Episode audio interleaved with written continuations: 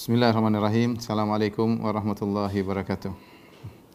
Alhamdulillahi ala ihsanih wa syukru lahu ala taufiqihi wa amtinanih wa asyhadu an la ilaha illallah wahdahu la syarika lahu ta'ziman li sya'nih wa asyhadu anna Muhammadan abduhu wa rasuluhu da'ila ridwanih.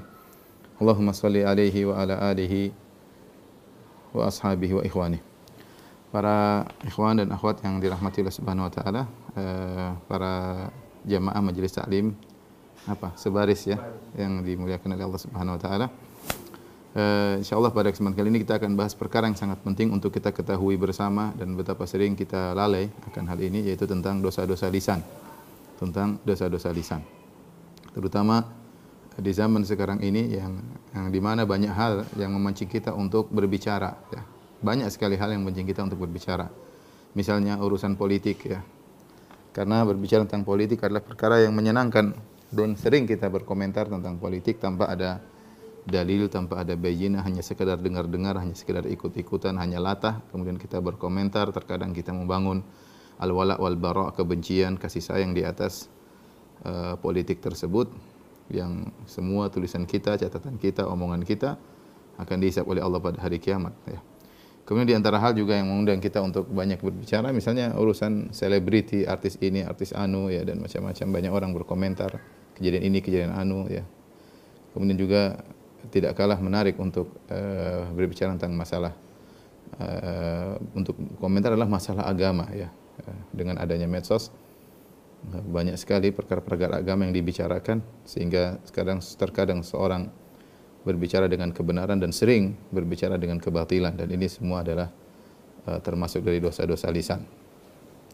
Uh, ikhwan dan akhwat yang dirahmati Allah Subhanahu wa taala, sungguhnya lisan ya adalah nikmat ya. ya kata Allah Subhanahu wa taala eh, alam naj'al lahu ainain wa lisanan wa syafatain. Bukankah kami telah menjadikan bagi dia dua mata wa lisanan wa syafatain dan kami berikan baginya lisan dan dua bibir ya. Di antara nikmat yang Allah ingatkan adalah tentang nikmat lisan eh, dan bibir ya. Sehingga nikmat untuk uh, berbicara ya. Uh, oleh karenanya kalau nikmat ini kita gunakan dengan sebaik-baiknya maka eh, lisan ini sangat mudah mengantarkan orang ke dalam surga Allah Subhanahu wa taala. Namun jika ternyata tidak digunakan pada tempatnya maka lisan ini sangat mudah mengantarkan orang ke dalam neraka jahanam. Makanya disebut dia ada disebut dengan zatu haddain. Itu lisanlah memiliki dua mata ya. Ya bisa mengantarkan kepada kebaikan, bisa mengantarkan kepada keburukan. Oleh karenanya uh, banyak dalil menunjukkan lisan mengantarkan kepada kebaikan seperti uh, orang yang menjaga lisan kata Nabi sallallahu alaihi wasallam man yadman li ma baina lahyaihi wa fakhidaihi atman lahul jannah. Barang siapa yang menjamin apa yang di antara dua rahangnya yaitu lisannya dan menjamin apa yang di antara dua pahanya itu kemaluannya aku jamin baginya surga. Aku jamin baginya surga. Demikian juga Rasulullah SAW bersabda innar rajula la yatakallamu bil kalimati min min ridwanillah. La yulkilaha balan ya yarfa'ullahu biha darajat. Sungguh ada seorang uh, mengucapkan satu perkataan yang dia tidak pikirkan dampaknya tapi itu ternyata mendatangkan keriduan Allah Subhanahu wa taala. Ya kalimat dia mungkin sepele enggak dia sepele. Ternyata di kalimat berkahnya luar biasa. Ya uh, yarfa'ullahu biha darajat. Dengan kalimat tersebut Allah Subhanahu wa taala mengangkat uh, derajatnya uh, tinggi yang yang tinggi ya.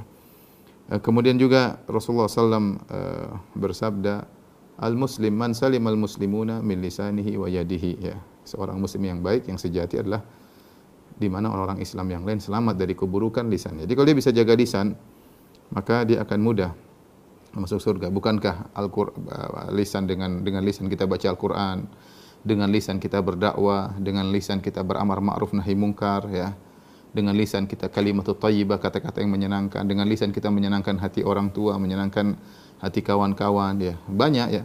E, banyak yang bisa kita lakukan dengan lisan. Kalau seorang menggunakannya dengan baik maka itu sangat ladang pahala besar baginya. Sebaliknya jika tidak digunakan dengan baik tidak pada tempatnya maka sangat berbahaya ya. Makanya e, ketika Muaz bin Jabal berkata kepada Nabi sallallahu alaihi wasallam, "Inna lamu'akhadzuna bima natakallamu bih." Ya Rasulullah, apakah kita akan disiksa di adab di neraka gara-gara apa yang kita ucapkan? uh, kata Rasulullah SAW, "Thaqilatka ummuk?" Ya, "Fahal yakubun nas fi nari ala manakhirihim aw ala wujuhim illa hasaidu alsinatihim?" Wahai Muaz, ya bukankah yang menyebabkan manusia terjerumus dalam neraka jahanam, digeret di atas wajah mereka, ya, di atas hidung-hidung mereka kecuali akibat lisan-lisan mereka. Ya ini isyarat bahwasanya uh, sebab menyebabkan orang masuk neraka jahanam banyak gara-gara lisannya, ya. Demikian juga Nabi SAW mengatakan, Aksaru ma yudkhilul an-nasa nara al-ajwafan. Dua perkara yang paling banyak masukkan orang dalam neraka jahanam di antaranya adalah dua, uh, dua, dua, dua hal yaitu dua lubang yaitu lubang kemaluan sama lubang mulut ya. Ini membuat orang banyak masukkan mereka dalam neraka uh, jahanam. Kemudian juga Rasulullah SAW bersabda, Inna rajula la yatakallamu bil kalimati. Sungguh seorang berucap dengan satu kata, dengan satu kalimat, ya.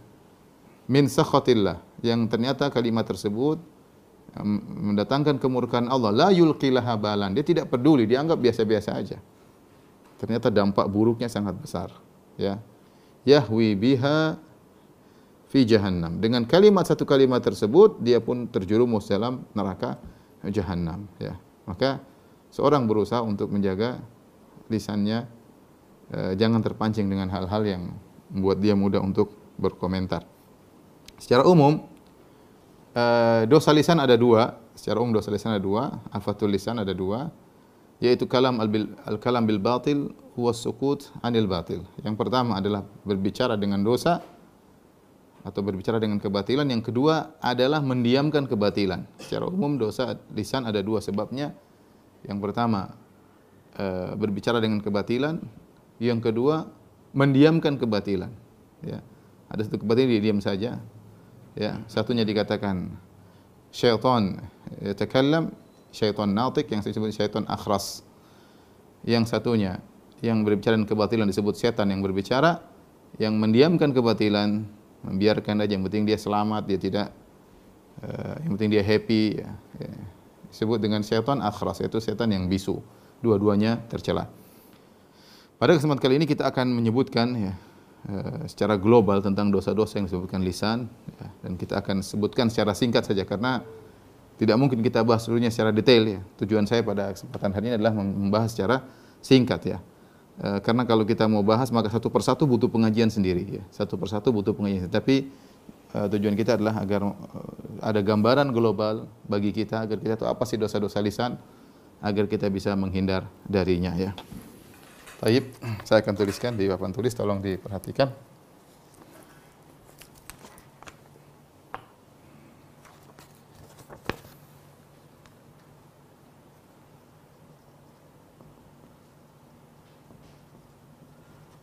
Macam-macam uh, dosa lisan ya.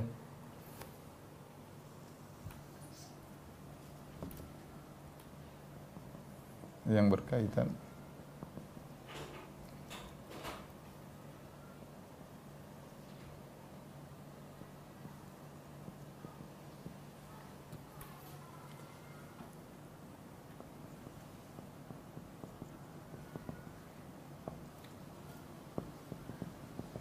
kita bisa eh, membagi menjadi dua. Pertama yang berkaitan dengan hak Allah tentang agama, yang kemudian yang kedua yang berkaitan dengan orang lain, ya. Uh, dengan orang lain atau dengan masyarakat. Kemudian yang ketiga adalah yang berkaitan dengan diri diri sendiri ya. Insya Allah kita akan sebutkan macam-macamnya sehingga ada gambaran jelas uh, bagi kita semua tentang macam-macam dosa-dosa uh, tersebut. Ya. Saya mulai dengan dosa-dosa yang berkaitan dengan hak Allah Subhanahu wa taala ya. Di antaranya adalah uh, berkata tentang agama agama tanpa ilmu. Ya. Dalam surat Al-Araf kata Allah Subhanahu wa taala wa an taqulu 'ala Allahi ma la ta'lamun. Ini dalam beberapa ayat Allah ingatkan di antara dosa besar adalah berbicara atas Allah ya tanpa ilmu ya.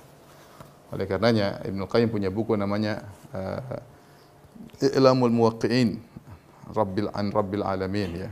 tentang al-muwaqqi'in rabbil alamin itu orang yang uh, menandatangani atas nama Allah Subhanahu wa taala. Artinya orang kalau berfatwa, berbicara tentang agama, berarti dia mengatasnamakan Allah, dia menghukumnya demikian. Oh itu begini, oh itu begitu. Kalau ternyata tidak benar, berarti pada hakikatnya dia berbicara tentang agama Allah tanpa ilmu ini berbahaya ya. Kata Allah Subhanahu wa taala, uh, Qul innama harrama rabbi al-fawahisha ma dhahara minha wa batan wal ithma wal baghy bi ghairi al-haqqi wa an tusyriku billahi ma lam yunzil bihi sultana wa an taqulu 'ala Allahi ma la ta'lamun. Katakanlah bahwasanya dosa itu ya uh, adalah ini dan ini Allah Subhanahu sebutkan terakhir kata Allah wa an taqulu 'ala Allahi ma la ta'lamun. Kau berbicara tentang agama Allah yang kalian tidak ketahui dan ini uh, bahaya, sangat berbahaya di zaman sekarang dengan banyaknya uh, medsos orang berkomentar tentang agama, membantah, mengkritik, uh, mengejek uh, tentang agama ya di di medsos, di Facebook, di Instagram dan yang lainnya. Maka seorang waspada. Kemudian di antaranya uh, yang yang kedua adalah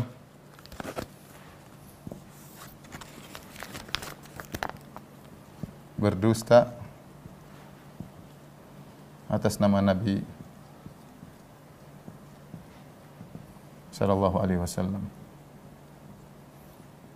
Kata Nabi sallallahu alaihi wasallam, "Man kadzaba alayya muta'ammidan fal yatabawwa maq'adahu minan nar."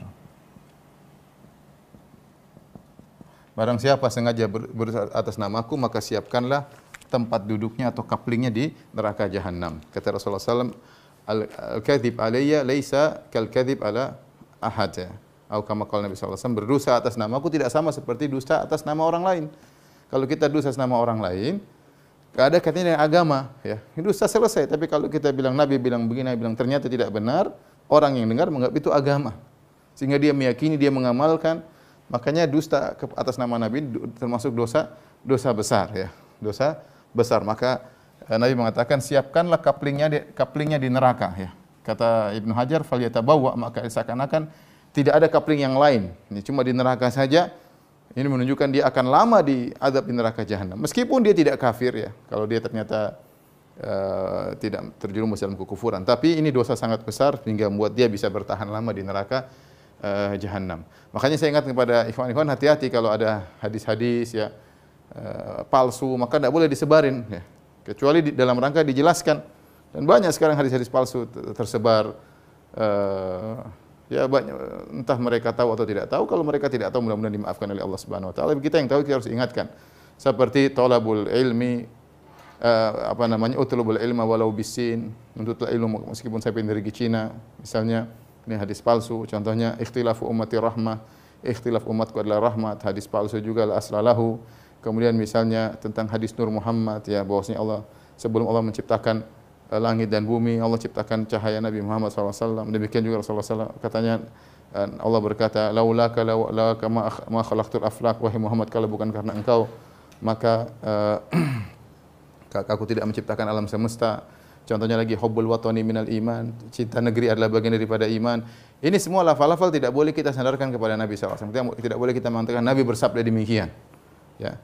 Oleh karenanya hadis palsu banyak makanya Al Imam Ibnu Jauzi menulis bukunya Al Mauduat, hadis-hadis maudhu ya.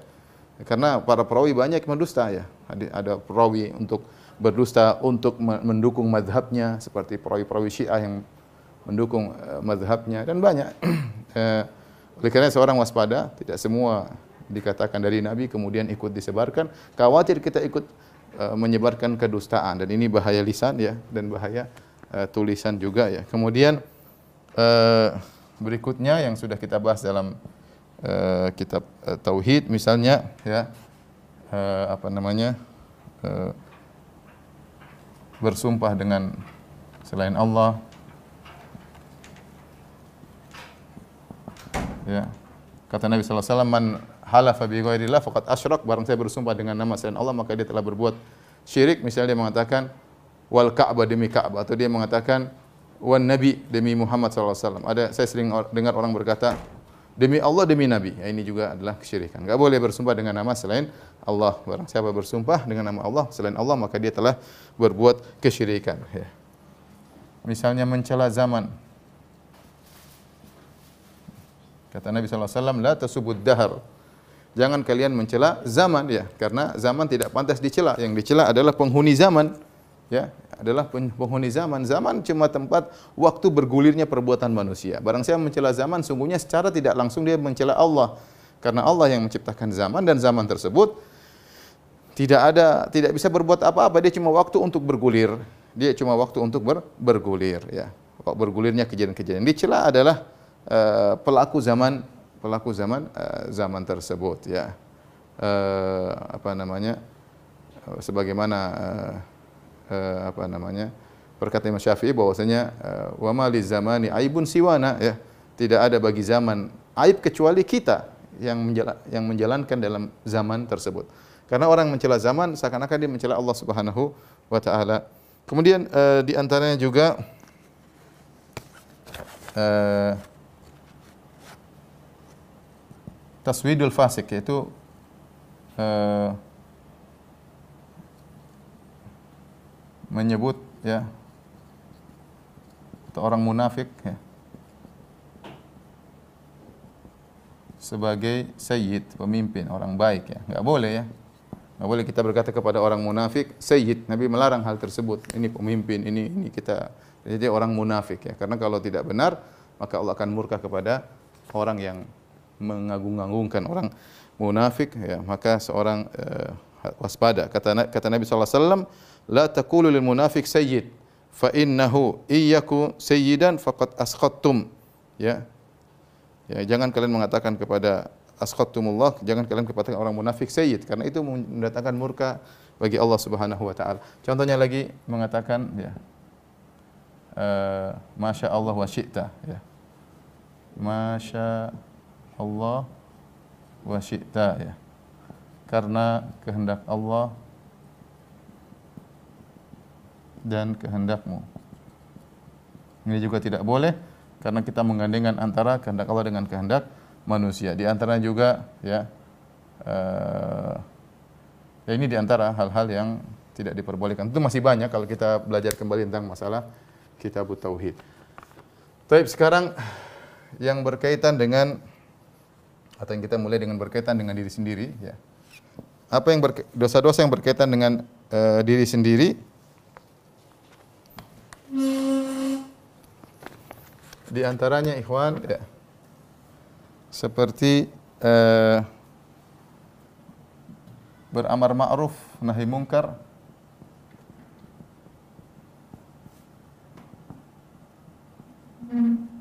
namun tidak mengerjakan sendiri. Dalam satu hadis ya, uh, Kata Nabi SAW, Yuja'u birrojuli yaumal qiyamah fayulqa finnar. Seseorang yang datangkan pada hari kiamat, kemudian lemparkan dalam neraka jahanam. Fatandaliku aktabuhu. Kemudian ususnya keluar. Tandalik itu usus keluar dengan tiba-tiba dari duburnya. Keluar, ususnya keluar. ya. Kemudian fayaduru, ya, kama yahuru kama yadurul himar himar birohahu. Kemudian dia pun berputar-putar suatu tempat dengan ususnya tadi seperti keledai yang berputar-putar ya ketika menggiling uh, menggiling biji-bijian ya dengan alat putaran tersebut. Dia mutar seperti itu dia di di neraka jahanam fayajtami alaihi ahlun nar. Maka orang penghuni neraka pun ngumpul melihat dia. Mereka kenal orang ini. Orang ini dai dulu ya. Suka memberi nasihat suka memberi pengarahan lewat ceramah lewat tulisan lewat Facebook nasihat-nasihat di status-status yang indah ya punya eh, channel-channel uh, dakwah orang kenal dia maka mereka mengatakan, "Masya'nuka ya fulan? Ada apa dengan kau wahai fulan? Alasta ta'muruna bil ma'ruf wa tanhana 'anil munkar? Bukankah engkau dahulu yang telah menyuruh kami untuk berbuat kebaikan? Bukankah kau dahulu yang telah melang, me, me, me, apa namanya? Uh, melarang kami dari perbuatan kemungkaran?" Maka dia mengatakan, "Benar. Kuntu amurukum bil ma'ruf wa la ati wa anhaakum 'anil munkar wa ati." Saya dulu di dunia menyuruh kalian untuk berbuat kebajikan, namun saya sendiri tidak melakukannya. Saya dulu di dunia melarang kalian dari kemungkaran, saya sendiri melanggarnya. Dan ini peringatan keras bagi orang-orang yang hobi menasihati ya. Hendaknya dia berusaha melaksanakan apa yang dia ucapkan. Ya, maka sering dikatakan bahwasanya nasihat yang kita tulis di status atau yang kita share Yang paling utama adalah untuk diri kita sendiri sebelum yang lainnya. Ya. Seorang berusaha. Ya. Kalau dia sudah berusaha, ternyata dia terjerumus dalam kesalahan, dia istighfar kepada Allah Subhanahu wa Tapi setiap dia sebarin, setiap dia melanggar terus, setiap dia melanggar terus, maka ini berbahaya bagi diri sendiri. Beramar ma'ruf nahi mungkar bisa membuat orang berada di tingkat yang tinggi di surga, di surga dan bisa menjerumuskan orang dalam neraka jahanam. Hati-hati kepada orang yang hobi-hobi uh, berdakwah seperti saya dan yang lainnya hati-hati kepada orang kecil dalam bidang dakwah ya. Dan juga apa namanya jangan sampai kita uh, apa namanya seperti perkataan Nabi sallallahu alaihi wasallam ya. Uh, barang siapa uh, bergaya dengan sesuatu yang tidak dia miliki ya maka dia telah berdosa gaya seakan-akan dia orang alim ternyata statusnya apa semuanya kebohongan ternyata dia sering uh, melanggar. Malam man, man, man tasyaba bima lam yu'tah kalas kala bisi thawbai zur. Barang siapa bergaya dengan apa yang tidak dia miliki, seakan-akan dia memakai dua pakaian kedosaan. Maka hati-hati beramal nahi mungkar tapi kalau tidak dikerjakan uh, bahaya ya. Kemudian di antaranya membeberkan rahasia ranjang. Ya.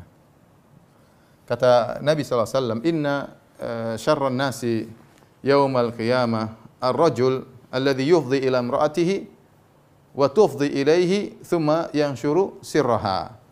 Di antara kata Nabi SAW, orang buruk pada hari kiamat kelak, paling buruk kedudukannya pada hari kiamat kelak, adalah seorang laki yang mendatangi istrinya itu digauli, ya, hubungan ranjang, dan istrinya juga di, apa, mendatanginya. Kemudian dia pun menceritakan rahasia istrinya kepada orang lain cerita, oh saya kalau berhubungan sama istri saya begini-begini, oh saya kalau istri pertama begini, istri kedua begini ya. Uh, begini cerita, oh saya kalau ya, ini tidak boleh ya. Ini dosa besar. Dosa besar. Seorang itu rahasia antara dia dengan istrinya itu amanah, tidak boleh dia bongkar ya tentang amanah istrinya, tentang kehidupan ranjangnya, tidak boleh diceritakan kepada siapa pun. Perempuan demikian juga. Ini hadis berkaitan laki-laki dan perempuan. Perempuan tidak boleh, oh suami saya kalau diranjang begini ya. Ya, kadang mengejek suaminya seperti sebagian orang ribut sama suaminya kemudian dia mulai cerita oh suami saya parah kalau diranjang ini gimana seperti ini? Perkara yang memalukan kemudian dibongkar-bongkar aib keluarga. Ini dosa besar bukan dosa kecil. Dosa dosa besar. Bisa kita bayangkan betapa banyak orang terjerumus dalam hal ini. Kadang-kadang mungkin ibu-ibu kumpul-kumpul di antara mereka cerita tentang suami mereka. Tidak boleh masalah ranjang nggak boleh.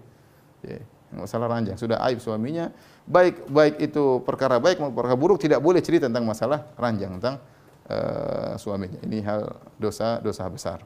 Kita bisa bayangkan kalau ini saja tidak boleh sekedar cerita apalagi kemudian dia memvideokan kemudian dia masukkan dalam medsos atau tersebar dosanya lebih besar lagi. Yang sadar cerita saja nggak boleh.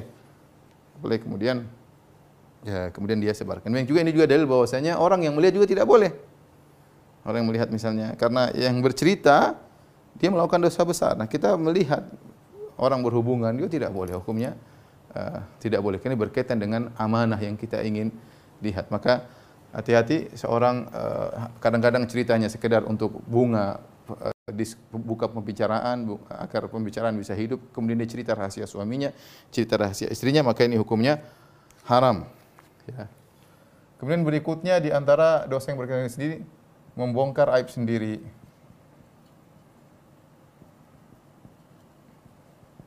setelah ditutup oleh Allah. Ya, kata Nabi sallallahu alaihi wasallam, eh, kullu muati kullu ummati mu'afan ilal mujahirin. Kata Nabi seluruh umatku akan diampuni oleh Allah Subhanahu wa taala. Mu'afan maksudnya selamat. Dan selamat itu kelazimannya adalah diampun, diampunkan. Mu'afat dari al-afiyah itu selamat ya. Tapi al-afiyah mengandung al-afu yaitu diampunkan oleh Allah Subhanahu wa taala. Selamat di, maksudnya selamat dari neraka dan diampuni oleh Allah Subhanahu wa taala. Ilal mujahirin kecuali orang-orang yang menampakkan. Maksudnya menampakkan, menampakkan di antara makna menampakkan yang terbetik dalam benak kita yaitu dia bermaksiat terang-terangan. Minum khamar, kemudian dia eh, videokan, dia sebarin, kemudian dia berzina, dia uh, diskotik, kemudian apa dia nampakkan, dia peluk-peluk cewek, kemudian dia foto, dia videokan, disebarin, dia bangga dengan hal tersebut dia terang-terangan ya, kemudian buka aurat di panggung, nyanyi-nyanyi sana sini, main film, ya, main sinetron dengan terbuka aurat. Ini mujahirin, orang yang menampakkan kemaksiatan terang-terangan tidak malu-malu. Cium-ciuman dengan ini. Ya. Tapi di antara satu bentuk mujaharah yaitu menampakkan yaitu seorang yang bermaksiat di malam hari ya dan faqat yasturu alaihi Allah telah menutup aibnya fayusbihu kemudian di pagi hari dia bercerita kepada orang lain dia malam bermaksiat entah dia melakukan apa entah dia melihat apa yang haram entah dia berhubungan dengan wanita haram entah dia berhubungan laki-laki yang ada hubungan yang tidak benar entah dia minum khamr entah dia apa entah dia narkoba entah dia apa kemudian Allah sudah tutup aibnya besok pagi dia ketemu dengan orang-orang tidak ada yang tahu aibnya yang tahu cuma Allah Subhanahu wa kemudian dia cerita dia cerita. Ini tidak boleh. Ini tidak diampuni oleh Allah Subhanahu wa taala. Karena Allah sudah tutup aibnya dia cerita. Ya. Dia cerita. Maka seorang hati-hati, ya. Cerita saja kita bercerita tentang dosa kita dalam rangka sedih, menyesal itu tidak boleh, apalagi dengan membanggakan. Apalagi dengan membanggakan. Kita cerita saja, aduh, aduh qadarullah tadi malam saya begini, aduh saya menyesal banget. Enggak boleh. Itu pun dalam kondisi sudah ente sedih serahkan kepada Allah. Ente dosa-dosa bertobat kepada Allah. Cerita dalam kondisi sedih saja tidak boleh, apalagi dalam rangka bangga-banggakan ya. Ada pernah bilang, mau lihat ini cewek-cewek yang pernah tidur sama saya, ini fotonya. Eh, ngapain itu pamer maksiat, zina yang dipamerkan. Ya. Zina yang dipamerkan ya. ya. Oleh karenanya seorang waspada kalau dia melakukan maksiat jangan cerita kepada siapa pun. Ya dia dia dia dia tutup ya. Dia tutup jangan ceritakan kepada orang orang lain karena itu maksiat yang Allah tidak suka. Allah sudah tutup jangan dibongkar dosa yang kita uh, lakukan. Uh, di antaranya adalah uh, mencela demam. Ketika Nabi SAW menjenguk seorang wanita, kemudian dia kesakitan, Rasulullah bertanya, ada apa dengan engkau? Ya. Maka dia berkata, ya al-humma la barakallahu fiha. Ya Rasulullah ini demam, Allah tidak memberkahi demam ini ya. Rasulullah tegur, la tasubbil humma, jangan kau mencela demam. Fa innaha tudhhibu khataya bani Adam kama yudhhibul kir khabathal hadid. Sungguhnya demam itu menghilangkan dosa-dosa anak Adam sebagaimana alat pandai besi menghilangkan karatan besi ya. Jadi jangan kau cela ini Allah sudah Allah yang mentakdirkan berikan kau sakit ya, harusnya kita makan tahur insya Allah. Ya. Semoga diampuni dosa-dosaku dengan uh, penyakit ini. Kita sabar menghadapinya. Ya. Kalau kita sakit pun jangan kita celah ya, penyakit tersebut. Ya. Kalau humma, kalau demam saja tidak boleh dicela, apalagi penyakit-penyakit yang yang lain termasuk penyakit-penyakit yang yang besar. Maka tidak boleh seorang terkena penyakit kemudian marah. Apa penyakit ini? Ya, marah enggak boleh. Dia tidak ridho dengan keputusan Allah dan kalau dia maki-maki sakit yang dia hadapi, dia marah-marah, maka penyakit tersebut bisa jadi tidak menghapuskan dosa-dosanya. Bahkan dia semakin terpuruk, semakin berdosa di sisi Allah Subhanahu wa taala. Maka waspada, jangan kita uh, melakukan dosa dengan mencela penyakit yang kita rasakan. Karena penyakit tersebut kalau demam saja bisa menghapuskan dosa-dosa, apalagi penyakit-penyakit yang lain ya, yang, yang yang lebih berbahaya. Kemudian juga di antaranya uh, dosa adalah an-niyaha 'alal mayyit ya. Meratapi mayat Ya. Nabi SAW mengatakan, "Laisa minna man daraba al-khududa wa syaqqal juyuba wa da'a bi da'wal jahiliyah." Ya. Uh, kata Nabi SAW, bukan dari golongan kami seorang terkena musibah, kemudian dia menampar-nampar pipinya, uh, dia merobek-robek bajunya, ya. kemudian dia menyuruh dengan dakwah jahiliyah, surah-surah jahiliyah, di antaranya adalah uh, niyaha, ya.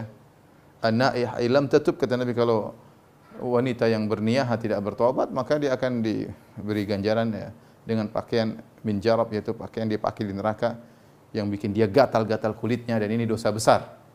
Oleh karena seorang lelaki maupun wanita kebanyakan dilakukan oleh wanita. Kalau ditimpa musibah, entah anaknya meninggal, suaminya meninggal, maka jangan dia teriak-teriak meratapi, kemudian tidak seperti sebagian agama lain yang justru menunjukkan ratapan tersebut menunjukkan dia sangat cinta kepada suaminya, mungkin dia teriak-teriak, campur-campur rambutnya. Nah, ini tidak Islam tidak mengajarkan demikian. Islam mengajarkan kita bersabar. Nangis boleh. Tapi kalau teriak-teriak, oh kenapa kau pergi suamiku, kenapa kau pergi, ya, boleh. Kenapa pergi anakku, kenapa kau, tidak boleh. Ini semua haram hukumnya, namanya meratap. Ini dosa besar. Ya. Tidak berkaitan dengan orang, berkaitan dengan diri kita sendiri. Ini dosa-dosa lisan yang berkaitan dengan diri uh, diri kita uh, sendiri ya. Di antaranya adalah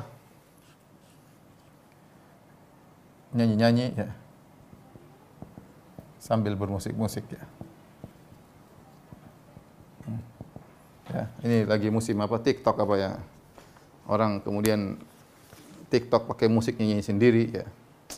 Subhanallah ini hanya mendatangkan apa? Argo dosanya berjalan terus. Argo dosanya berjalan berjalan terus. Maka seorang waspada karena musik adalah uh, dosa besar ya. Maka tidak boleh seorang bernyanyi dengan dengan musik-musikan ya. Uh, ini diharamkan oleh Allah Subhanahu wa taala. Taib, kita lanjutkan tentang yang berkaitan dengan orang lain. Berkaitan dengan orang lain ini sangat banyak sekali ya. Di antaranya yang masyhur ya. Kita kasih nomor ini aja dulu ya. Ini ada nomor satu, dua, tiga, empat, lima, enam. Ya.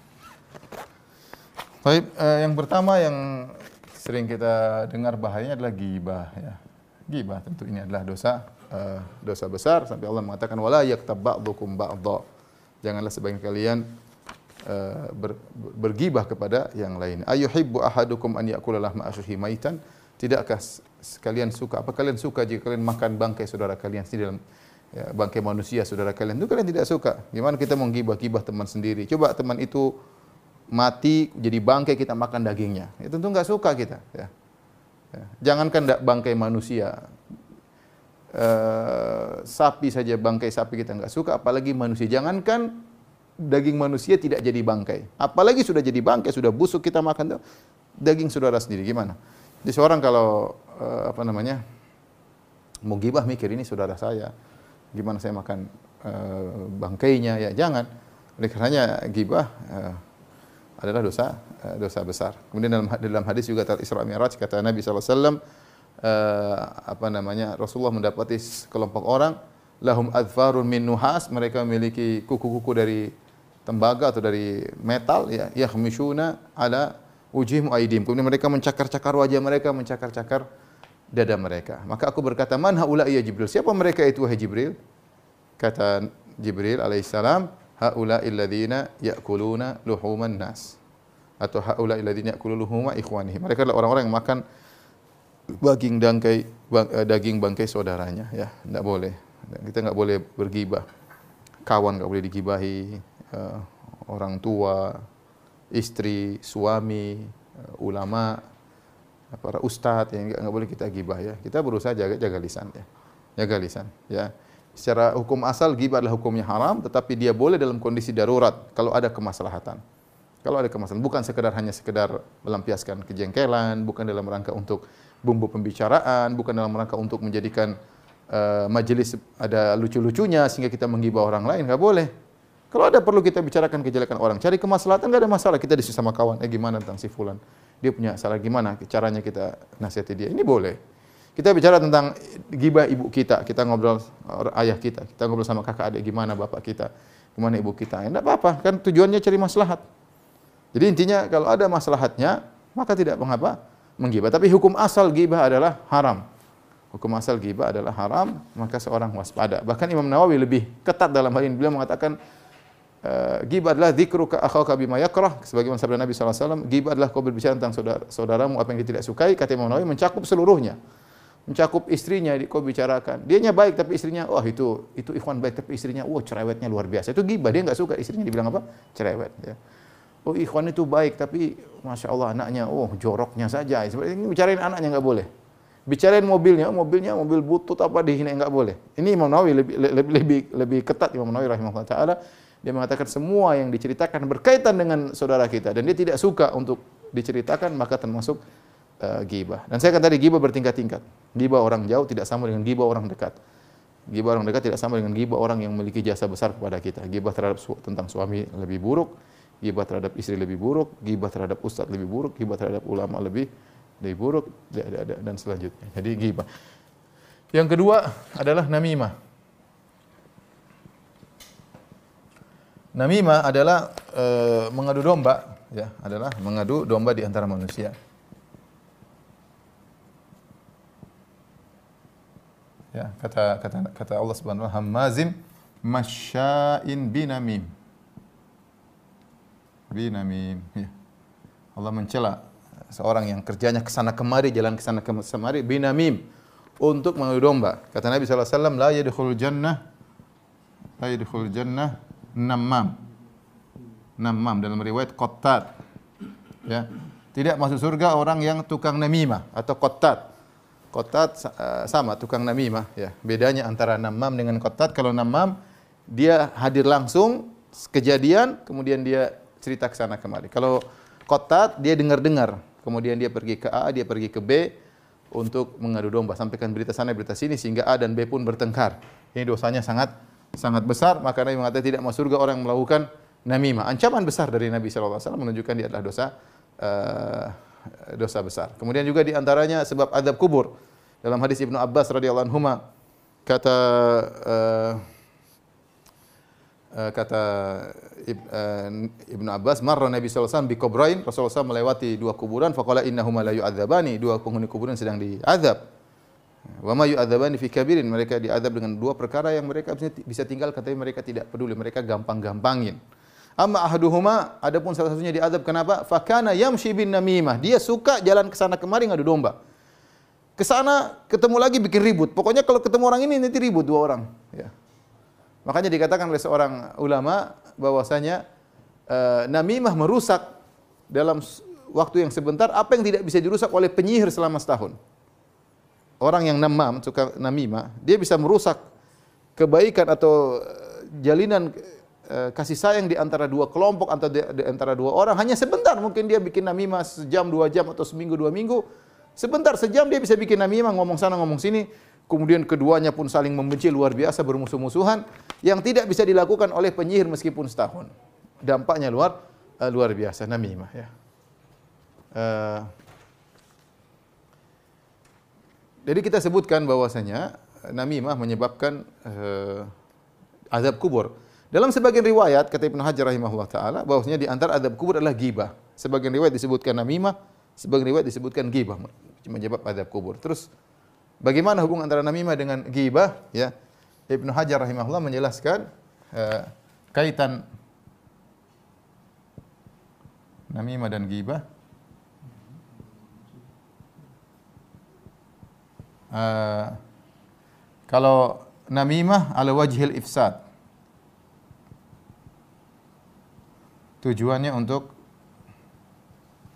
untuk mengadu domba. Mengadu domba. Dengan gibah maupun terang-terangan. Maupun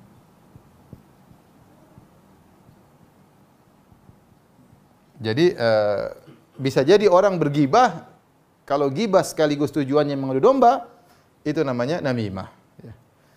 Adapun kalau ghibah tidak harus tujuannya mengadu domba. Tidak harus. Ya. Dan banyak orang ghibah tidak niatnya mengadu domba, tapi dalam rangka untuk melampiaskan saja apa yang isi hatinya. Mungkin dia hasad sama orang itu, maka dia ceritakan ke orang itu gini-gini. Kenapa dia hasad? Dia dongkol. Ya, skala bersaing maka dia jatuhin orang itu tersebut misalnya. Atau tadi karena bumbu pembicaraan supaya asik berbicara, eh tahu nggak si fulan, apalagi ibu-ibu gimana si fulan, tahu nggak umu fulan, cerita, oh tuh gini gini, oh suaminya gini, oh anaknya gini, supaya enak aja kita daripada nongkrong diam-diam nggak ada bicara, mending kita bergibah ria, karena gibah adalah lezat. Makanya majelis yang paling lezat itu majelis gibah ya, karena maksiat itu lezat, khamar lezat, zina enaknya kayak apa, minum apa lagi, eh, gibah juga lezat, musik juga enak, semuanya enak. Ini semua kenikmatan, kelezatan, di antaranya nikmat gibah. Makanya acara TV yang paling disenangi acara gibah. Selebriti gibah, apalagi gibah selebriti, masya Allah penontonnya luar biasa ibu-ibu ya. Ya, kenapa? Karena memang gibah itu lezat. Jadi kalau namimah bisa jadi gibah, bisa jadi bukan. E, karena kalau gibah kan orang orang yang tidak ada bisa jadi enggak, bisa jadi langsung di depan ngomong pada dia ya. Tetapi intinya untuk mengadu domba. Kalau gibah tujuannya tidak harus mengadu domba. Gibah yang tujuannya mengadu domba berarti dosa gibah plus namimah. Gibah plus namimah. Tapi di antara uh, dosa yang berkaitan orang lain adalah zul wajhain. Pemilik dua wajah. Kalau istri kita, eh, istilah kita apa? Munafik ya. Tapi bukan sebenarnya dia zul wajhain. uh, kata Nabi sallallahu alaihi wasallam Iya bermuka dua, bermuka dua ya. Bukan bukan depan belakang mukanya. Tapi tadi dia ngomong sini begitu, ngomong sana uh, begini dalam hadis kata Rasulullah uh, inna syarran nasi uh, yaumal qiyamah uh, man ya'ti haula'i biwajhin wa haula'i biwajhin yaitu orang buruk pada hari kiamat kelak adalah orang yang mendatangi satu kaum dengan wajah tertentu datang kepada yang lain dengan wajah yang lain pula. Ya. Jadi ngomong sama gini, ngomongnya A, ngomong sama sini, ngomongnya B, wah repot. Ini dosa. Ngomong-ngomongnya dengan ngomong ngomong sana, ngomongnya lain lagi, dosa. Orang bingung ini gimana nih? Zul wajahin, memiliki dua wajah ya. Mungkin ada yang empat wajah, bukan cuma dua ya. Sana beda, sini beda, sana beda, sini beda. Ini termasuk dosa besar. Dan Ibnu Hajar mengatakan bisa jadi dia termasuk dari namimah. Bisa jadi bisa jadi salah satu bentuk dari bentuk dari namimah. Ya, dia pergi ke A, seakan-akan dia musuhi B. Begitu dia ke B, seakan-akan dia musuhi A. Ya, dia begitu ya. Jadi dua wajah ya dia lakukan semuanya dalam rangka untuk uh, mengadu domba atau yang lainnya ya. Tercela seorang mukmin tegas, jangan dia pelin-pelan, dia ngomong yang benar ya. Ngomong yang benar ya. Saya ngomong A, A ya. Jangan sana ngomong A, sini ngomong B, ketemu lagi ngomong C. Ini dosa tidak diperbolehkan, bohong dia ya. Dan ini tidak di, diperbolehkan. Taib dan dia bisa jadi termasuk dalam namimah. Kemudian dosa berikutnya dan ini panjang al-kadzib. Dusta ini modelnya banyak ya. Modelnya banyak. Kita akan uh, sebut satu persatu ya. Di antaranya uh, saksi palsu. Bersaksi uh, palsu ya. Kemudian uh, di antaranya uh, pura-pura bermimpi pura-pura mimpi sesuatu. Padahal tidak benar. Kemudian uh, di antaranya adalah menyebarkan isu dusta.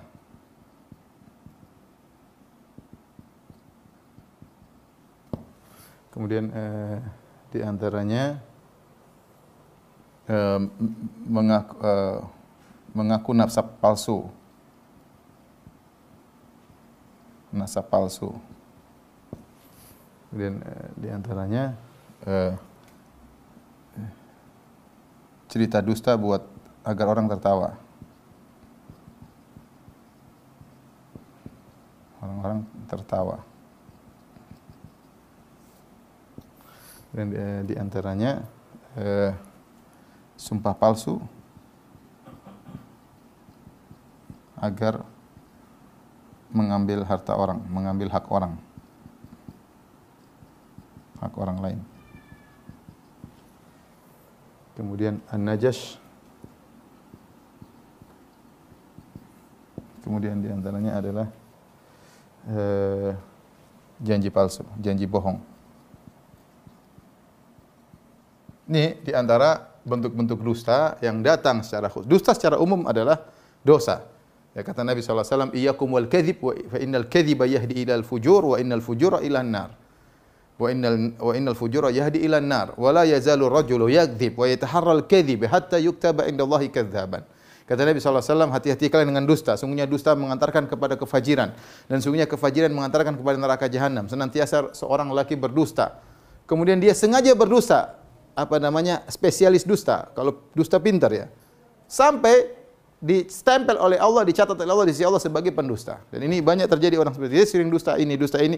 Akhirnya karena sering berdusta dan dia jago berdusta, akhirnya dia distempel oleh Allah cap pendusta sampai mati dusta terus. Dan dia menganggap itu sepele, ngomong dusta sana dusta ini tidak tidak ada masalah bagi dia. Jadi suatu yang biasa. Sama seperti orang misalnya dia berzina sekali, dia merasa takut kayaknya dosa. Kedua, ketiga, kelima lama sudah biasa. Hal yang biasa. Sama dusta juga gitu. Pertama, aduh saya ngebohong ya. Kedua masih ada ketakutan. Lama-lama rasa malunya dicabut. Rasa lama-lama sudah biasa distempel oleh Allah jadi pendusta. Hatta yuktaba indallahi kadzaban. Jadi dusta sampai dicatat oleh Allah di Allah sebagai pendusta. Jadi dusta itu uh, dosa secara umum.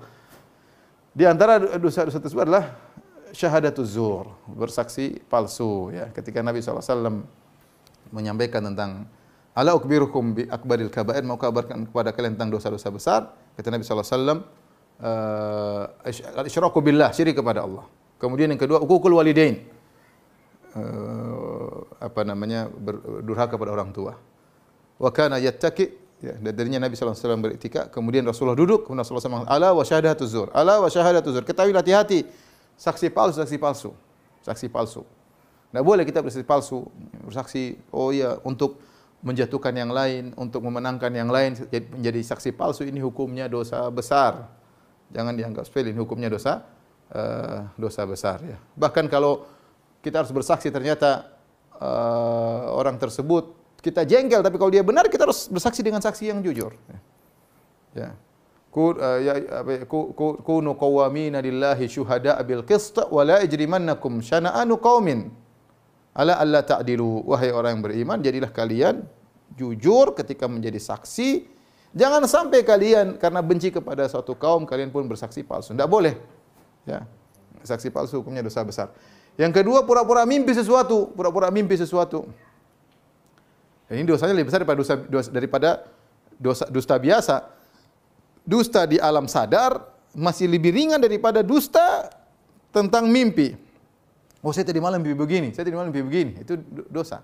Kata Nabi SAW, Man tahallama bihulmin kullifa an yaqida baina syairaitaini walan yaf'al. Kata Nabi SAW, barang siapa yang mengaku-ngaku mimpi tentang sesuatu, padahal dia dusta, maka dia akan pada hari kiamat kelak disuruh untuk mengikatkan dua butir syairah yaitu dua butir gandum yang enggak bisa ditempelin gimana caranya diikat suruh diikat gimana cara ngikat kalau rambut kita ikat bisa kalau tali kita bisa ikat kalau dua butir gini macam cara mengikatnya. Disiksa terus sampai dia bisa ngikat. Dia enggak enggak bakalan bisa ngikat dua butir tersebut. Artinya siksaannya panjang ceritanya.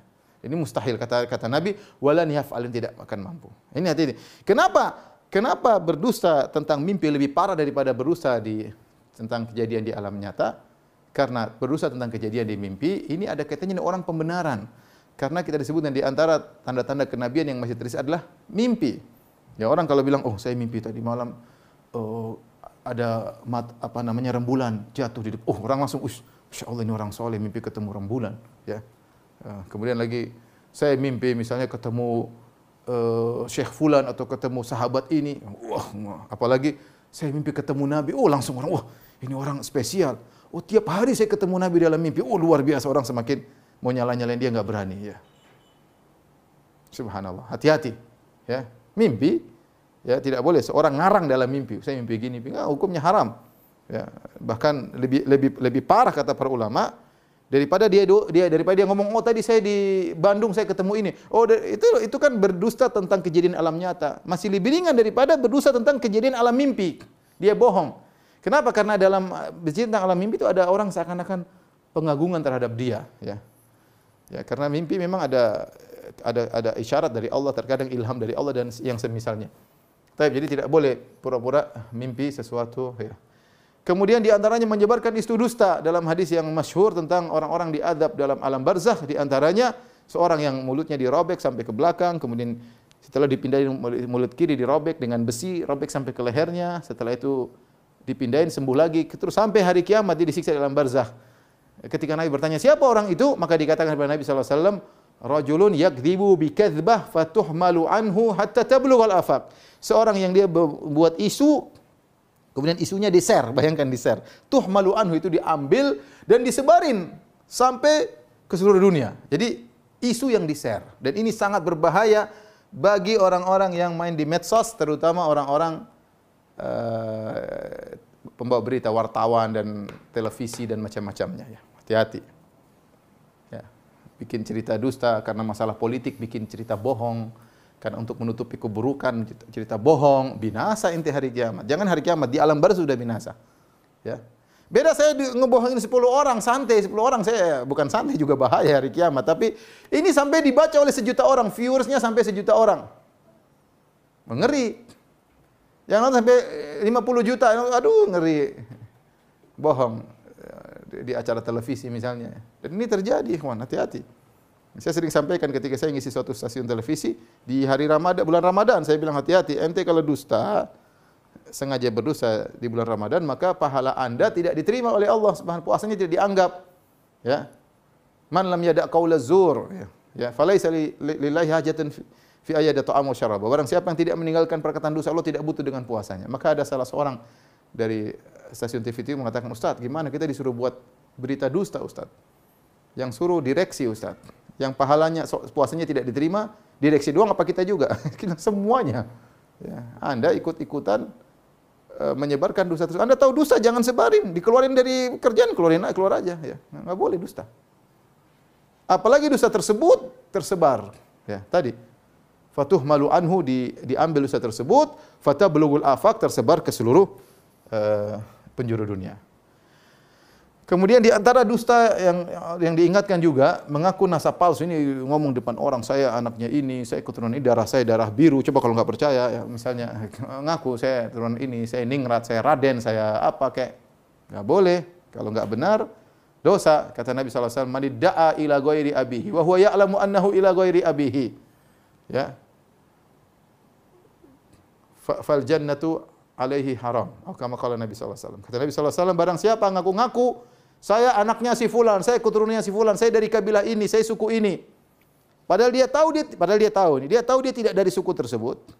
Maka surga haram baginya, surga haram baginya. Ya enggak boleh kita misalnya saya orang misalnya saya bilang saya ini orang Bugis, oh saya ini orang Jawa, padahal saya bukan orang Jawa. Darah saya darah Bugis misalnya enggak boleh saya bohong.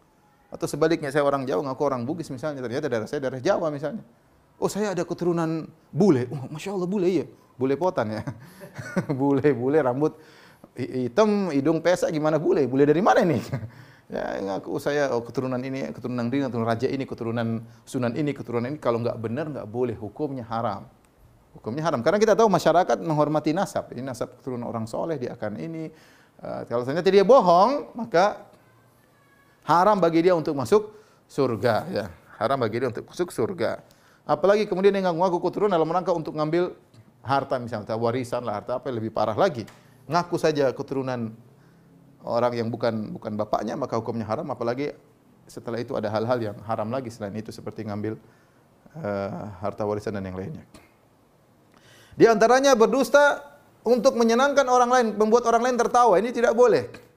Kata Nabi SAW, Wailun lilladhi yuhadithu. Ya. Liyudhika bihil kaum fayakzibu. Wailun lahu thumma wailun lahu. Kata Nabi SAW, celaka. Neraka wail atau celaka bagi orang yang dia ngomong untuk membuat orang lain tertawa maka dia dusta. Celaka baginya, celaka baginya. Jadi tidak boleh kita kemudian uh, bohong. Oh tadi di sana ada begini. Kita ngarang cerita orang tertawa. Kita ngarang cerita tentang kita dengan teman kita supaya orang tertawa. Enggak boleh bohong. Apalagi itu kita jadikan saran untuk dakwah. Kita bohong sana, bohong sini. Oh, saya kemarin ke sana, ternyata bohong. Orang tertawa. Orang senang. Tidak boleh. Bukan bukan dakwah saja kalau kita bohong-bohong tidak boleh. Apalagi kita jadikan sebagai sarana sarana dakwah. Maka hukumnya haram. Karena Nabi sampai mengatakan celaka tiga kali. Wailun lahu, thumma walain lahu celaka, celaka, celaka tiga kali. Jadi uh, hukumnya hukumnya haram. Maka seorang uh, tidak boleh uh, sengaja berdosa untuk menyenangkan orang orang lain, untuk membuat orang lain tertawa. Dan ini menunjukkan buruknya dusta. Dusta saja untuk membuat orang senang tidak boleh, apalagi dusta dalam rangka untuk mendolimi orang lain. Ya. Kemudian yang tadinya sumpah palsu agar mengambil hak orang lain. Ketika Rasulullah SAW mengatakan tentang ditanyakan mal kabair, ya Rasulullah apa itu dosa-dosa besar? Rasulullah SAW mengatakan Isyrak billah, syirik kepada Allah, hukul walidain, dosa kepada orang tua. Kemudian kata Nabi SAW, al-yaminul gomus. Al-yamin, uh, sumpah al-gomus artinya yang tenggelam. Kenapa disebut dengan al-yaminul gomus? Sumpah yang menenggelamkan karena sumpah itu menenggelamkan orang dalam neraka jahanam. Ya, al-yaminul gomus. Apa itu ya al-yaminul gomus? Al-yaminul gomus adalah sumpah dalam rangka mengambil hak orang lain. Ya. Alladhi yaqtati'u. Rasulullah ditanya, apa itu yaminul gomus ya Rasulullah? Istilah baru dari Nabi sumpah yang menenggelamkan. Kata Nabi sallallahu alaihi wasallam, "Alladzi yaqtati'u malam ri'im muslim." Ya, seorang yang mengambil dengan sumpahnya tersebut harta orang lain. Tidak boleh. Oh itu demi Allah punya saya, demi Allah punya saya. Bahkan dalam riwayat kata Nabi sallallahu alaihi wasallam, "Hatta walau kana syai'an yasiran." Meskipun hanya barang sedikit tidak boleh. Kata para sahabat, walau syai'an yasiran ya Rasulullah hanya meski hanya perkara barang sepele kita masuk neraka jahanam kata Nabi. Iya, hatta wa wa, wa, wa in kana ya, kata Nabi sallallahu wa in qadiban min araq. Kata Nabi meskipun kayu siwak. Oh itu kayu siwak saya demi Allah. Sama kalau pena. Oh pena saya demi Allah enggak enggak boleh. Bikin masuk neraka ini punya orang. Apalagi kemudian ngambil tanah orang.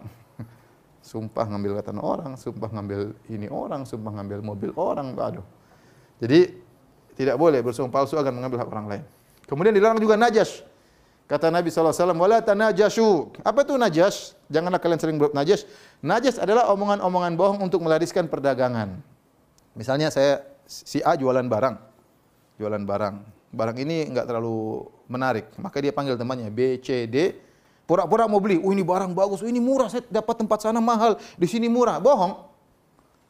Diiklanin dengan bohong. Ya maka ini dosa. Sama seperti iklan, misalnya seorang wanita jadi iklan sampo. Dia bilang, oh dengan sampo ini rambut saya jadi hitam. Padahal bukan, sebelum pakai sampo rambutnya sudah hitam misalnya. Dengan sampo ini maka rambut saya menjadi begini kinclong. Ya. Dia bohong. Bukan karena sampo itu, sampo murahan. Dia pergi ke salon mahal, itu bikin bikin rambutnya jadi bagus. Ini namanya juga bohong. Jadi najas adalah kata-kata bohong uh, untuk melariskan suatu barang. Ini tidak diperbolehkan. Kemudian janji bohong ini juga tidak diperbolehkan kata Nabi sallallahu alaihi wasallam uh, ayatul munafiq salas. Ayat tanda-tanda orang munafik tiga di antaranya idza haddatsa kadzaba wa idza wa'ada akhlafa wa idza tumina khana. Kalau dia ber, berbicara dia bohong, kalau dikasih amanah dia berkhianat, wa idza wa'ada akhlafa kalau dia berjanji dia uh, menyelisihi. Ya, hati-hati seorang jangan sampai terjerumus dalam tanda-tanda orang munafik. Taib. Di antara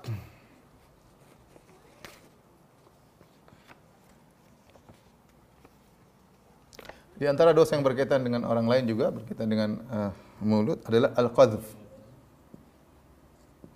Itu menuduh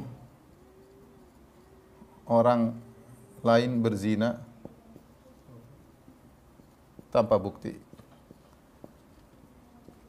Kata Allah Subhanahu wa ta'ala, "Innal ladzina Innal ladzina yarmunal muhsanatil ghafilatil mu'minati lu'inu fid dunya wal akhirah wa lahum adzabun azim dalam surat An-Nur.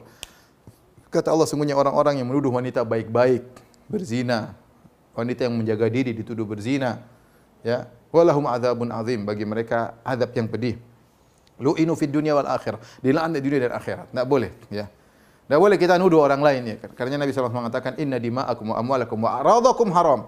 Sungguhnya darah kalian haram, harta kalian haram, harga diri kalian juga haram. Tidak boleh kita nuduh orang berzina. Oh itu misalnya kita bilang, oh itu pezina itu, oh itu begini, enggak boleh. Itu laki-laki itu buaya suka berapa wanita jadi korban baginya. Oh itu perempuan suka zina sama enggak boleh. Oh, itu laki-laki misalnya homo, itu perempuan lesbi enggak boleh. Ini berkaitan dengan harga dirinya. Maka enggak boleh. Ini hukumnya haram ya. Kalau seorang menuduh orang lain, walam ya'tu bi arba'ati syuhada fajriduhum thamanina jaldah. Kata Allah barang saya menuduh orang lain kemudian melakukan zina kemudian tidak punya bukti empat saksi maka dicambuk ya oleh Allah disuruh oleh Allah Subhanahu untuk di, dicambuk. Kemudian di antaranya ngejek ya. Di antaranya adalah sukhriyah. Mengejek. Ya akhi, tidak boleh kita mengejek ya akhi. Mengejek itu enggak baik ya. Kalau kita pun ada berselisih dengan orang, kita jelaskan secara secara baik. Tidak perlu kita mengejek-ejek, tidak perlu kita merendahkan. Kita bicara ilmiah saja. Ya. Jangan sampai kita gara-gara berbeda dengan kita, kemudian akhirnya kita ngejek-ngejek uh, di luar hal yang di, kita ingin menghadapi kebatilan dengan kebatilan juga tidak boleh. Ya. Kata Allah Subhanahu Wa Taala, Ya ayyuhalladzina amanu la yaskhar qaumun min qaumin asa an yakunu khairan minhum wala nisa'un min nisa'in asa an yakunna khairan minhun. Wahai orang uh, beriman, janganlah sebagian lelaki kaum mengejek lelaki yang lain. Jangan sebagian wanita mengejek wanita yang lain. Bisa jadi yang diejek lebih baik daripada yang mengejek. Dan kenyataannya demikian. Kebanyakan yang diejek lebih baik daripada yang mengejek. Kenapa kata para ulama? Karena yang mengejek biasanya ada keangkuhan dan ada kesombongan. Dan kesombongan sebesar darah pun Allah tidak suka. La yadkhul jannata man kana fi qalbihi mithqalu dzarratin min kibr. Tidak masuk surga orang dalam hatinya ada kesombongan sebesar darah. Dan biasanya itulah yang buat dia uh, mengejek, merendahkan ya. Ya, tidak boleh. Ya, Biasbi min syarri an yakhira akhahul muslim. Cukup seorang dikatakan buruk jika dia merendahkan saudaranya sama muslim. Maka jangan sampai kita jumpa dalam mengejek apalagi dengan gelaran-gelaran lakop-lakop yang tidak benar. Kalau kita diberi lakop biarin aja. Jangan kita balas dengan lakop-lakop yang tidak benar. Lakop-lakop yang mengejek sudah enggak usahlah kita dituduh ya sudahlah. Ya. Sabar ya. Jangan sampai kita balas dengan ejekan-ejekan yang yang eh, tidak benar. Eh, kemudian eh, di antaranya berdebat di atas kebatilan. Ini di antara dosa berkaitan dengan uh, apa namanya? Uh, lisan kata Nabi sallallahu alaihi wasallam, "Inna abghadar rijali ila Allah al-aladul khasim." Kata Nabi sungguhnya orang yang paling dibenci oleh Allah di antaranya al-aladul khasim itu suka berdebat di atas kebatilan. Sudah tahu salah ngeyel lari sana lari sini dia sudah ente kalau salah ya sudah ngaku salah. Tapi terus mempertahankan kebatilan dengan perdebatan dan ini benci sekali sama Allah Subhanahu wa taala. Hati-hati. Ya. Ini banyak orang udah masuk dalam medan perdebatan. Kita ngomong A, dia fokus lari fokus lari ke B, lari ngomong B, lari ke C. Ente ngapain seperti itu? Kalau ya sudah, tapi demikian karena kesombongan, keangkuhan tidak mau kalah di depan umum misalnya. Ya sudah kalau tidak mau kalah depan umum enggak usah debat. Enggak usah debat. Jangan kita kalau kita salah, ada yang tegur kita meskipun musuh kita bilang salah, ya kita bilang salah, ya saya salah. Dalam hal ini saya salah. Jangan kita membela kesalahan karena dibenci oleh Allah Subhanahu wa taala. Bahkan dosa ya. Inna abghadar rijali ila Allah al-aladul al-khasim. Kata Nabi SAW, orang yang paling dibenci oleh Allah adalah yang keras kepala, ngeyel dalam kesalahan. Ya, hati-hati kita jangan sampai kita di oh, itu ngeyel itu. Kalau dicap dicap ngeyel itu bisa jadi termasuk ini, hati-hati. Sampai orang ngecap kita itu si ngeyel. Waduh. Kenapa dibilang ngeyel? Orang disebut ngeyel karena orang tahu dia sudah salah, dia masih membela diri maka ditempel sama orang-orang masyarakat si ngeyel. Wah, repot. Ini dibenci oleh Allah Subhanahu wa taala. Kalau kita salah ya sudah. Kita ngaku aja uh, salah.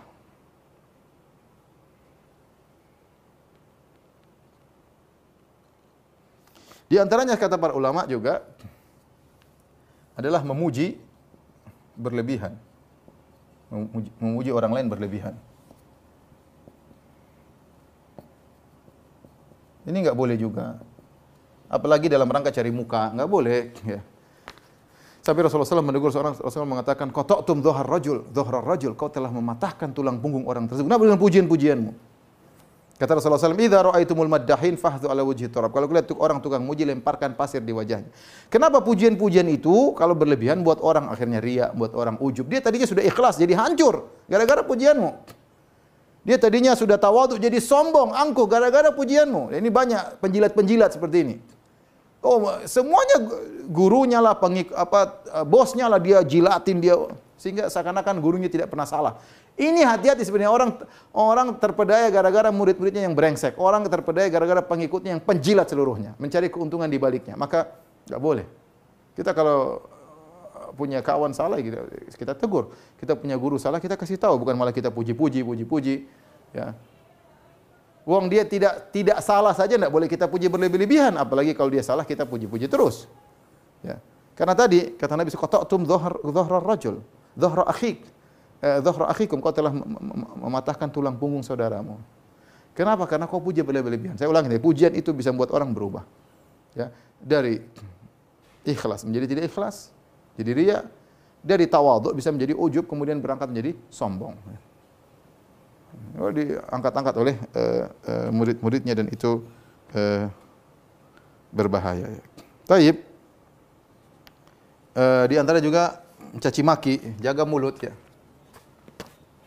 Di antara hal yang dilarang adalah asab mencaci maki. Kita bermusuhan dengan orang tidak perlu caci maki. Kata Nabi SAW, Al-mustabbani uh, maqala alal badi illa an ya'tadi al-mazlum. Kata Nabi SAW, kalau dua orang caci maki, si A dan si B, caci maki ini, oh, kamu brengsek, brengsek, brengsek. Hewan, hewan, hewan, tomat, tomat, semua, semua maki-maki dikeluarin semuanya. Maka seluruh yang diucapkan oleh dua orang ini, dosanya kembali kepada yang pertama kali mencaci maki. Misalnya si A dan si B. Yang pertama kali caci maki si A. Kamu suku brengsek, si B balas, kamu juga suku brengsek. Kamu bapakmu brengsek, oh bapakmu juga brengsek. Terus, satu jam mereka caci maki, semuanya dosanya ke A. Fa'alal, fa'alal badi, kata Nabi, semuanya dosanya kepada si A. Kecuali kalau si B berbuat zalim, maksudnya apa? Dia memaki lebih daripada makian si A. Maka yang kelebihannya itu diserahkan kepada si B. Tapi kalau dia balas masih setimpal, seluruh dosanya berkumpul untuk si si A. Maka seorang berusaha menjaga lisannya, seorang menjaga uh, lisannya. Di antara bentuk mencela adalah mencela kedua orang tua, ya kata Rasulullah SAW, uh, Allah uh, apa namanya sampai orang seorang mencaci maki kedua orang tuanya, sahabat mengatakan bagaimana seorang mencaci maki kedua orang tuanya? Kata Rasulullah SAW, bisa terjadi dengan secara tidak langsung. Ya. Yasubur rojulu abar rojuli fayasubbu abahu. Seorang mencaci maki bapak temannya, temannya mencaci bapaknya juga. Maka secara tidak langsung dia mencaci bapaknya sendiri ya. Dan ini semua adalah bentuk-bentuk dosa uh, berkaitan dengan lisan.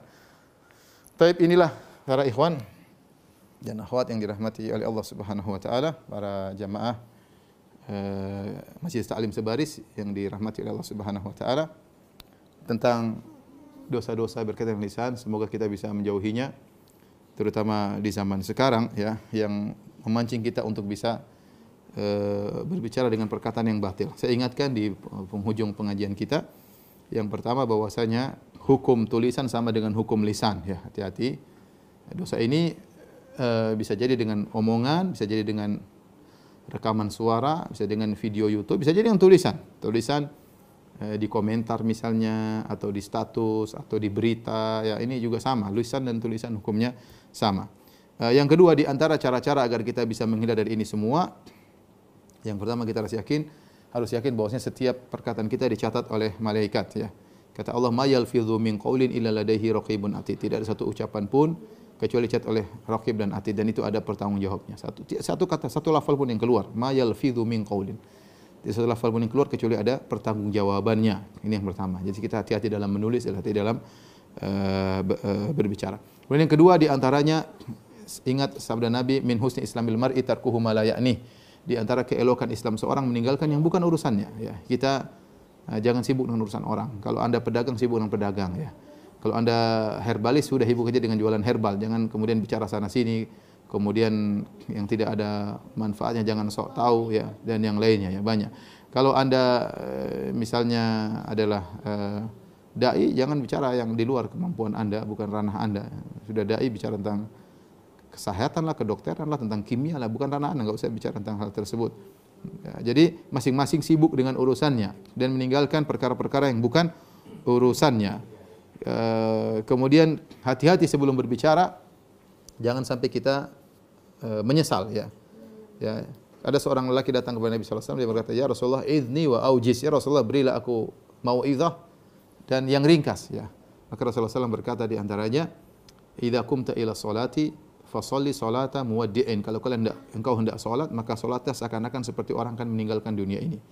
Yang kedua, wala tatakallam aw la takallam bi kalimatin ta'tadhiru minha minha ghadan. Janganlah kau berbicara dengan satu kata yang kau akan minta uzur di kemudian hari. Artinya Rasulullah mengajarkan seorang uh, untuk uh, memikirkan apa yang tidak dia ucapkan. Jangan sampai nanti dia oh minta maaf, minta maaf, minta maaf. Sebelum kau minta maaf, pikirkan supaya kau tidak perlu minta maaf di kemudian di kemudian hari. Itu berlaku kepada kita ngomong sama orang, kita ngomong sama anak buah, kita ngomong sama bos, kita ngomong sama kawan, kita ngomong sama istri, kita ngomong sama suami. Hati-hati. Jangan kita ucapkan perkataan, kita pikirkan dulu yang nanti akhirnya kita butuh untuk minta maaf atas perkataan tersebut. Nabi ingatkan. Dengan demikian kita hati-hati dalam berbicara. Kemudian ketika kata Nabi SAW, uh, wajma'il ya'sa mimma fi aidin nas ya.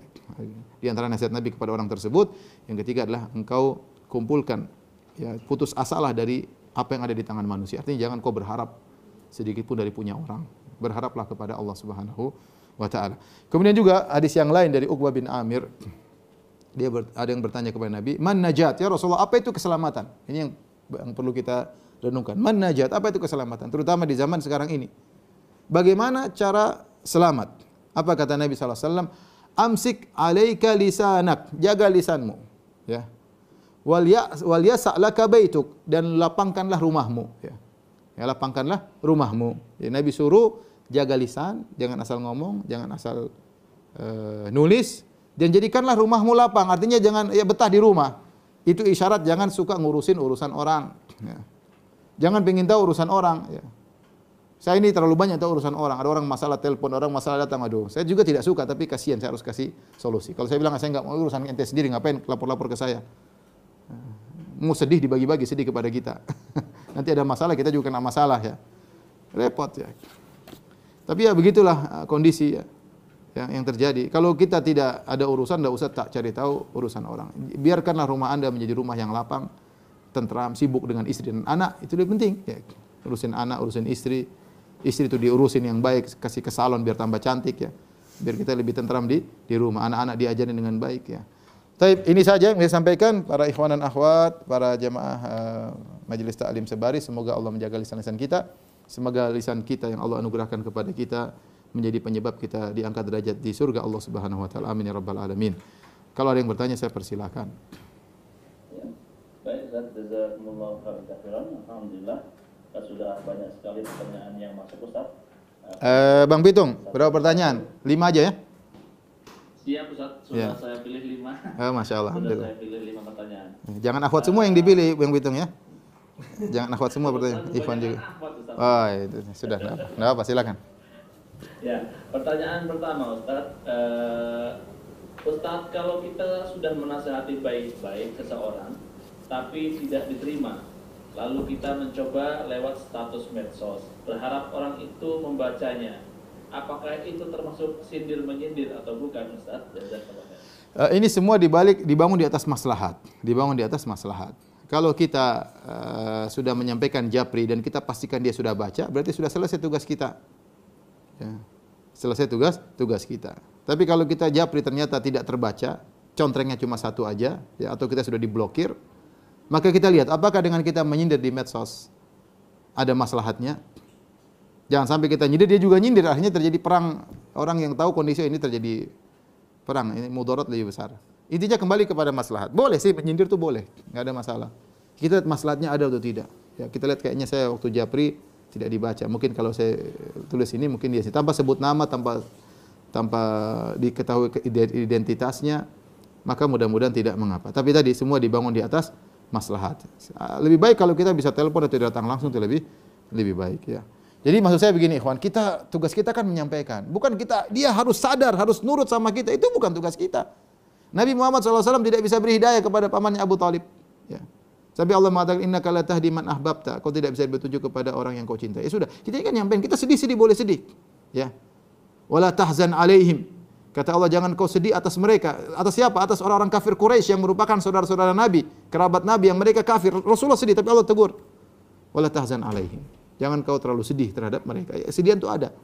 Kita kasih nasihat tidak mendengar, ya sudah. Kemudian jangan kita ngamuk, kemudian kita malah balik curhat di medsos, semua orang baca, ini enggak enggak benar.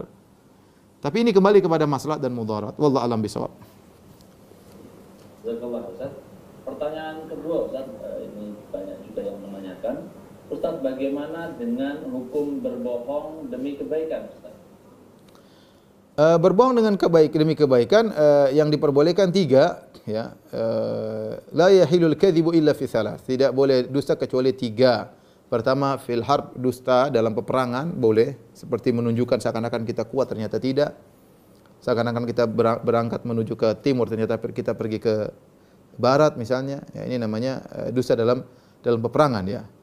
Uh, atau kita menunjukkan kita seakan-akan lemah ternyata kita kuat. Ini boleh-boleh saja dalam peperangan ya. ya, ya yang kedua adalah hadis rajul ila zaujati wa idil mar'a ila zaujiha. Seorang berbohong antara suami dan istri, istri dan suaminya. Dan bohong di sini dimaksud adalah bohong untuk menumbuhkan kasih sayang. Bukan bohong untuk menggugurkan hak istri atau hak suami, tidak boleh. Tapi bohong yang dalam rangka untuk menimbulkan kasih sayang. Misalnya uh, masalah makanan, masya Allah istriku makananmu enak, kayak misalnya, ini boleh ya.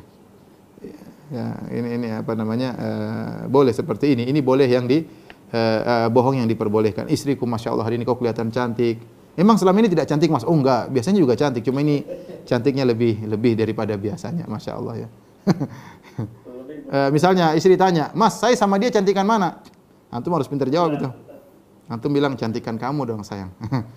kalau lagi kalau lagi lampu mati. Karena kalau kita bilang lebih cantik dia, dia pasti marah. dia pasti marah. Ini boleh apa namanya? Eh, bohong yang diperbolehkan. Ini suami istri. Sama istri juga muji suami. Masya Allah mas, kamu sabar sekali mas. Aku tidak pernah menemukan suami seperti engkau. Masya Allah ya. Dan macam-macam lah ini boleh suami istri. Tapi kalau bohong untuk menjatuhkan hak istri, apalagi kalau orang poligami, kemudian bohong sana, bohong sini, hidupnya di atas kebohongan ini hati-hati. Yang ketiga adalah bohong untuk mendamaikan islah. Eh, eh, kita si A dan si B bertengkar, kemudian kita datang ke si A kita bilang, ah masya Allah tadi si B muji kamu, padahal enggak. Tadi si B doain kamu, ya. Padahal enggak, padahal si B doanya umum, Allah maghfiril muslimin, ya Allah ampuni kaum muslimin. Dia termasuk orang Islam di dalam doa tersebut ya. Tapi intinya ini boleh, bohong-bohong seperti ini boleh. Adapun bohong dalam segala hal enggak boleh. Rasulullah batasi pada tiga perkara eh, tersebut ya. Eh, Allah alam bisawab. Ya. Tapi ada lagi yang bertanya? Per- Pertanyaan ketiga Ustaz, Hmm. Eh, tadi dari Goa sudah ada, terus dari Bone juga sudah ada, ini sekarang dari Bekasi Ustaz. Masya Allah. Tetangga dong, tetangga. Iya. Ustaz, apabila kita bercerita atau curhat kepada seorang sahabat mengenai perlakuan saudaranya, kakak, adik, atau suami yang membuatnya sakit hati dengan tujuan untuk meminta saran dan melegakan hati, apakah ini juga termasuk dosa lisan, Ustaz? Tadi kalau ada maslahatnya, maka tidak boleh kita cerita sama semua orang. Kita tidak boleh namanya apa kata Nabi Yakub inna ashku bathi wa huzni ila Allah. Aku mengadukan al-bath dan huzni kesedihanku. Al-bath itu kesedihan yang berat yang ingin dilontarkan, tapi dia ngadukan kepada Allah. Apa kita boleh curhat kepada orang? Boleh kita curhat kepada orang yang tidak semua orang, setiap orang kita curhat, semua datang ketemu, oh, ketemu ini nah, nah benar, namanya kita bongkar rahasia dan ini aib keluarga. Tapi kalau kita curhat kepada orang yang teman dekat, yang kita anggap dia bisa kasih saran kepada kita, apa yang kita lakukan, ya. Kita punya teman misalnya ada lima, kita pilih di antara lima ini, siapa yang kira-kira siap mendengar curhatan kita pertama. Nah, tidak semua orang mau dengar. Siapa yang di antara lima orang ini yang amanah, kalau kita cerita dia tidak ngomong ke mana-mana. Siapa di antara lima orang ini yang mampu untuk meringankan dengan memberi solusi apa yang harus saya lakukan uh, dengan uh, dengan musibah yang saya alami. Kalau itu boleh, maka tidak ada masalah dalam rangka untuk mencari solusi. Ya. Tapi tadi dia harus pilih-pilih, tidak semua ketemu orang asal ngomong kemudian dia ceritakan curhatannya. Wallahu alam bisawab. Ini pertanyaan keempat ya, Ustaz ya. Ya. Pertanyaan keempat. Dua dari terakhir. Eh, Ya.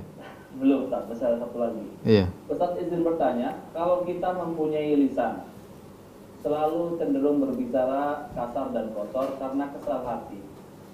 Bagaimana solusinya Ustaz? Karena anak kadang-kadang suka begitu. Mohon nasihat. Saya kasih saran seperti saya pernah baca dalam sebuah buku, ente bernazar. Kalau saya ngomongin orang, saya bersedekah 200 ribu. Ini sekedar untuk apa? Kalau ente orang kaya satu juta, ente kaya lagi satu seratus juta. Kalau saya bersedekah apa? Saya ente ternyata triliuner, ya udah. Kalau saya gibain orang, eh, saya sedekah 100 juta. Dengan begitu kita selalu ragu-ragu mau gibah, waduh ini saya sedekah lagi. Apalagi kalau ente pelit, susah lah untuk. Jadi mungkin di antara hal, mungkin ini sekedar cara yang, ya, yang kalau saya ini saya akan bersedekah, kalau saya gini saya akan puasa.